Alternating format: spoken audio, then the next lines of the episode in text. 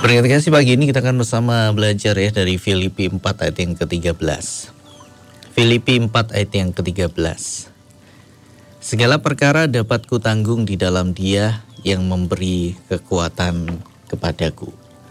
Sekali lagi, segala perkara dapat kutanggung di dalam dia yang memberi kekuatan kepadaku. Ya. Segala perkara ini bisa berarti banyak kasih ya segala perkara. Kita akan baca lebih dulu di ayat-ayat sebelumnya. Filipi 4 ayat yang ke 12 ya. Saya akan bacakan lebih dulu. Apa maksudnya segala perkara kasih ya. Filipi 4 ayat yang ke-12. Aku tahu apa itu kekurangan dan aku tahu apa itu kelimpahan.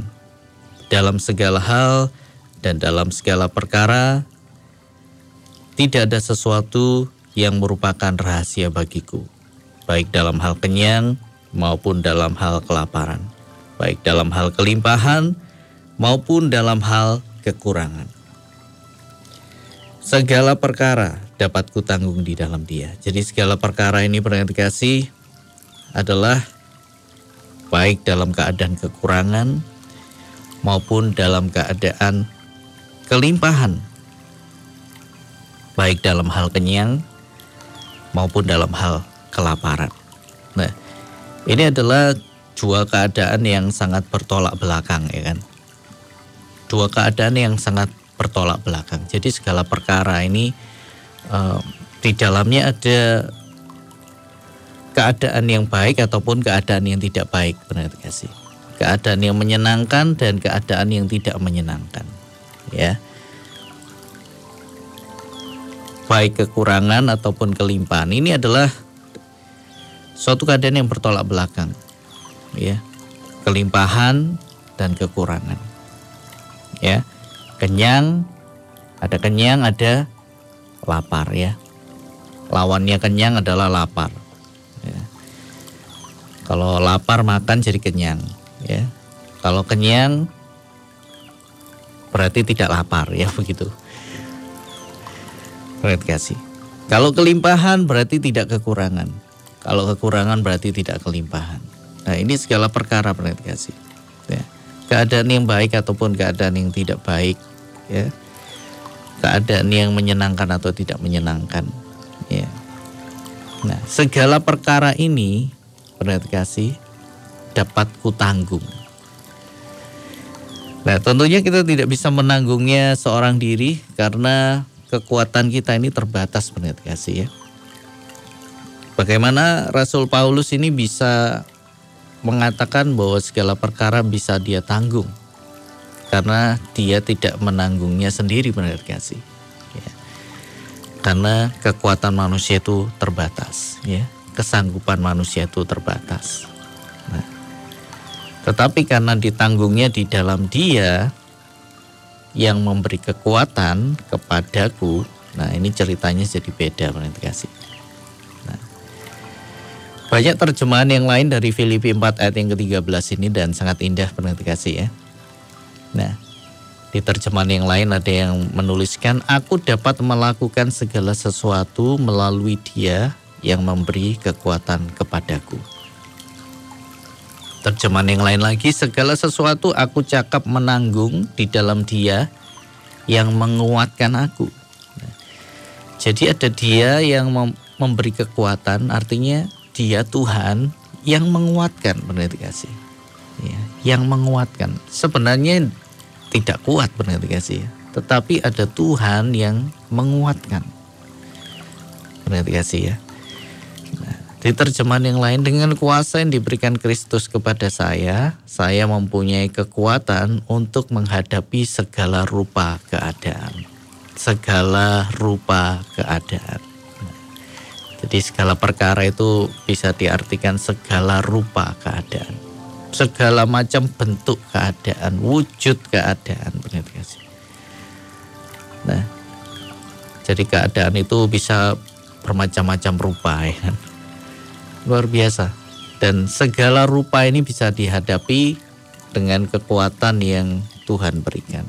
Ya. dengan dia yang menguatkan. Kasih. Ya. Banyak rupa ya, rupa uh, bentuk. Ada banyak bentuk kasih dari keadaan ini. Nah, keadaan baik atau tidak baik. Ya. Bentuknya macam-macam. Keadaan yang baik itu apa saja, macam-macam. Keadaan yang tidak baik itu apa saja, macam-macam kasih ya. Banyak, banyak rupanya nah, keadaan itu. Nah, sama seperti manusia ini banyak rupa ya. Sama seperti banyak hal kasih ya. Ada banyak rupa. Nah, tapi kita dimampukan untuk melewati semuanya. Terjemahan yang lain juga ada yang menuliskan segala keadaan dapat kuatasi karena Tuhanlah yang menguatkan aku. Nah, kasih. Jadi ada Tuhan yang selalu memberikan kita kekuatan. Dia yang selalu menguatkan. Iya. Dia itu selalu menguatkan saudara dan saya dalam segala keadaan. Nah, jadi hari ini kasih. biarlah kita boleh belajar dari Rasul Paulus ya. Bagaimana dia ini bisa menanggung segala perkara ya. Segala rupa keadaan bisa dia hadapi di dalam dia yang memberi kekuatan kepadanya. Nah, Rasul Paulus juga manusia sama seperti saudara dan saya. Dan kita pun ya kalau mau belajar dari Rasul Paulus kita juga akan dimampukan untuk melewati semuanya ya jalani hari demi hari kasih ya. Jangan khawatirkan hari esok. Hari esok punya kesusahannya sendiri. Jalani hari ini ya. Mari kita fokus dengan hari ini. Waktu kita buka mata ya dan Tuhan masih memberikan kita kepercayaan hidup di hari ini. Ya, mari kita kembali yakin bahwa ada hari yang baru, berarti ada kekuatan yang baru yang Tuhan berikan. Ya dengan keadaan dunia saat ini kasih mari kita jalani hari demi hari. Ya, kalau kita sudah mulai mengkhawatirkan hari esok, itu akan menambahi beban kita di hari ini. Ya, artinya semakin berat kasih karena beban kekhawatiran. Ya, kekhawatiran yang di hari esok kita pikul di hari ini. Nah, mari di hari yang baru pasti ada kekuatan yang baru yang Tuhan berikan dalam kehidupan kita. Ya. kasih yang pasti dalam segala perkara ini kita ini dibentuk menjadi pribadi-pribadi yang kuat, ya. Pribadi yang kuat. Segala keadaan yang terjadi hari-hari ini biar juga membuat kita semakin kuat kasih, kuat di dalam Tuhan, Ya, tidak ada pilot yang handal dihasilkan dari langit yang langit yang cerah ya, berarti kasih. Tidak ada pilot yang handal yang dihasilkan dari langit yang cerah, ya kan kita sering dengar itu. Langit pun bisa berubah-ubah keadaannya, berarti kasih. Nah, kadang ada awan tebal ya, kadang awannya tipis. Nah, bagi pilot itu dia menghadapi sesuatu yang berbeda-beda. Nah, kadang ada badai yang sedang terjadi. Nah, bagaimana dia menghadapinya? Nah, untuk menjadi pilot yang handal dibutuhkan segala bentuk rupa keadaan, ya. Dan itulah cara untuk membentuk dia menjadi handal, berarti kasih. Nah, kalau dia hanya berlatih ya dan selalu menikmati langit yang cerah, begitu terjadi langit yang berawan tebal, wah dia akan bingung, berarti kasih ya. begitu diterjunkan benar-benar dan menghadapi awan tebal ya atau ada badai bingung benar kasih apa yang harus dilakukan. Nah, pilot yang handal dilahirkan dari segala hal yang baik dan tidak baik kombinasi dari keduanya. Dibentuk seorang nahkoda yang handal pernah dikasih dibentuk bukan dari laut yang tenang. Nah, kasih ya. Nah, laut pun banyak rupanya keadaan ya, rupa-rupa keadaan juga ada di laut kasih. Kadang laut itu tenang ya, tapi setenang-tenangnya laut tetap ada gelombang ya. Kadang gelombangnya agak tinggi kasih. Kadang gelombangnya tinggi sekali ya. Gelombangnya bervariasi tergantung dari situasi yang ada. Nah, kasih. Tergantung dari angin juga. Nah, dia menghadapi banyak hal. Nah, dia menghadapi situasi bagaimana berlayar di langit yang cerah, di malam yang tenang, berbintang, ya bisa dilihat bintangnya. Ya. Tapi nahkoda yang handal juga dilatih di pelayaran yang sedang diterjang badai atau gelombang tinggi. Bagaimana mengatasinya? Nah, Rasul Paulus pernah uh, berada di dalam sebuah kapal ya yang sedang ditimpa badai dan mereka tidak bisa melihat ya uh, pemandangan karena sangat gelap sangat gelap. Nah, nakoda yang handal kasih dilatih untuk menghadapi situasi itu. Ya, tidak bisa lagi melihat bintang karena saking gelapnya keadaan, mencekam. Nah, tetapi dia akhirnya kalau dia lulus dia akan menjadi seorang nakoda yang handal. Nah, kalau nakoda tidak pernah mengalami hal ini, gitu ya, tidak pernah dilatih seperti ini ketika diterjunkan benar-benar, maka tidak akan kuat menghadapinya. Nah, jadi dua hal ini kasih ya dari pilot, nakoda kita belajar bahwa segala sesuatu ya baik atau buruk ya ya baik atau tidak baik menyenangkan atau tidak menyenangkan itu adalah sebuah cara ya untuk membuat kita semakin ya semakin handal kasih kita menjadi pribadi-pribadi yang semakin kuat di dalam Tuhan. Kita juga sering belajar bahwa tekanan ya keadaan yang menekan itu akan membuat kita juga semakin semakin kuat. Kasih. Nah. Intan itu dihasilkan dari tekanan. Kasih. Intan yang indah itu dihasilkan dari tekanan. Dan ada para peneliti yang sudah meneliti kasih hari-hari ini tentang kayu kasih ya. Kayu ini mau dibu uh, dibuat bagaimana supaya kayu ini benar-benar kuat, benar-benar kuat ya.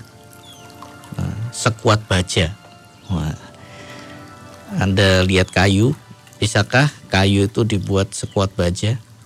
Nah, inilah tugas para ilmuwan ya.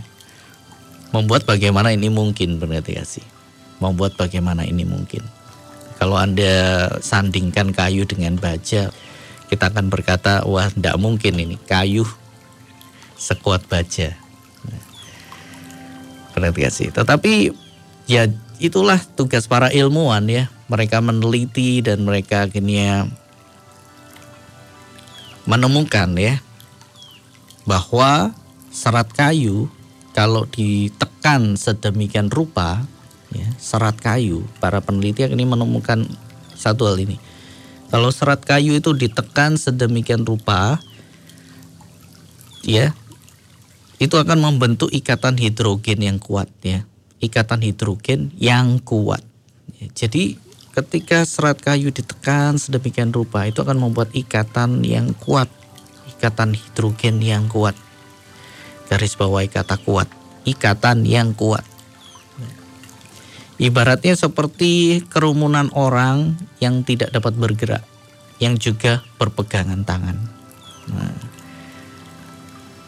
seperti itu, ditekan. Jadi akan menjadi seperti kerumunan orang yang tidak bisa bergerak, yang juga berpegangan tangan. Nah, kasih ya. Dan proses penekanan ini membuat kayu itu lebih tipis ya dari ukuran aslinya. Karena ditekan sedemikian rupa jadi ukurannya akan lebih tipis dari ukuran aslinya. Nah, kasih ya. Dan apa yang terjadi? Nah, kayu ini sekuat baja perhatikan sih. Tapi jauh lebih ringan. Nah, dan butuh tenaga 10 kali lebih banyak untuk mematahkannya daripada mematahkan kayu biasa. Ya, perhatikan sih ya. Nah, dan akhirnya ada ujian-ujian yang dilakukan pada kayu ini. Nah, dan hasil ujinya luar biasa ya. Seberapa baik daya tahannya ya. Dan kayu ini pun akhirnya diuji dengan peluru. Ditembak dengan peluru kasih. Jadi ada perbandingan kayu biasa, eh, ada kayu yang diproses dengan cara yang lain dan yang terakhir kayu yang benar-benar dikompres ya ditekan dengan sangat luar biasa. Nah, dengan proses yang yang para ilmuwan ini ketahui. Dan hasilnya berarti kasih kayu yang biasa ditembak peluru tembus ya ada lagi kayu yang e, diproses dengan cara yang lain nah, masih tembus ya tetapi untuk kayu yang diproses dengan cara yang istimewa ya benar-benar dikompres dengan begitu luar biasa. Ketika ditembak peluru ya, peluru itu berhenti di tengahnya, berhenti kasih. Dan dia bisa menahan dengan luar biasa. Nah, ini hal yang luar biasa berhenti kasih ya. Jadi tekanan itu membuat dia menjadi kuat, nih kuat. Intan itu juga dibentuk dari tekanan dan itu membuat dia menjadi kuat. Karena itu intan dibuat salah satunya sebagai mata bor. Ya, untuk menghancurkan batu-batuan yang keras. Untuk ini ya, bor dalam tanah. Ya kan ada batu-batuan di dalam, itu akan hancur dengan intan. Kenapa? Karena intan itu ditekan sedemikian rupa dan di dalamnya ada ikatan yang sangat kuat. Nah, berarti kasih hari-hari ini kalau kita merasakan keadaan sedang menekan hidup kita, percayalah bahwa itu membentuk kita menjadi pribadi yang semakin kuat. Sebelumnya tadi kita jadi semakin handal dan kita akan dibentuk semakin kuat. Berarti kasih. Semakin kuat. Hari-hari ini dalam tekanan kita bisa menerima kekuatan dari Tuhan lewat firman-Nya. Tapi kita juga bisa menerima kekuatan dari Tuhan lewat saudara-saudara kita yang lain. Jadi dalam keadaan seperti ini banyak-banyak sharing ya. Banyak-banyak cerita. Jangan dihadapi sendiri. Ya.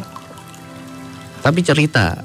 Misalkan yang punya usaha ya bisa cerita dengan saudara-saudara kita yang lain yang juga punya usaha, bagaimana keadaannya, saling menguatkan berarti kasih. Dan Tuhan juga bisa menguatkan kita lewat saudara kita yang lain.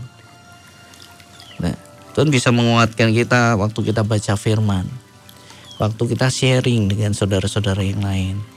Ya, yang sama-sama bekerja di pabrik gimana? Dengan keadaan seperti ini pabrikmu ya. Keadaannya bagaimana? Nah, jadi kita akan saling menguatkan satu dengan yang lain berarti kasih. Dan dengan saling menguatkan kita akan menjadi kuat ya.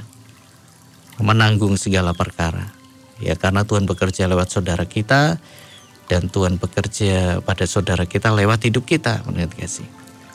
Tuhan menguatkan juga bisa lewat saudara-saudara. Tuhan bisa pakai manusia untuk menguatkan kita. Tapi yang pasti kekuatan itu sumbernya dari Tuhan. Jadi saling berbagi ya, saling berbagi. Yang kerja di pabrik biasanya bagaimana? Yang bekerja di mall biasanya bagaimana ya kan?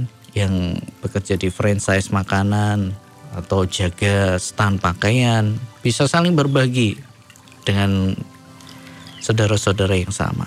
Nah, dengan saling berbagi, kasih, saling bercerita, kita bisa saling menguatkan di tengah-tengah situasi yang seperti ini. Nah, dan jangan lupa ya ingatkan bahwa segala perkara, segala rupa keadaan dapat kita tanggung dapat kita atasi. Di dalam Dia yang memberi kekuatan kepada kita. Nah, ini renungan singkat yang bisa saya bagikan di hari ini. Terima kasih. Kiranya boleh menjadi berkat. Dan mari kita percaya bahwa Tuhan tidak pernah tinggal diam.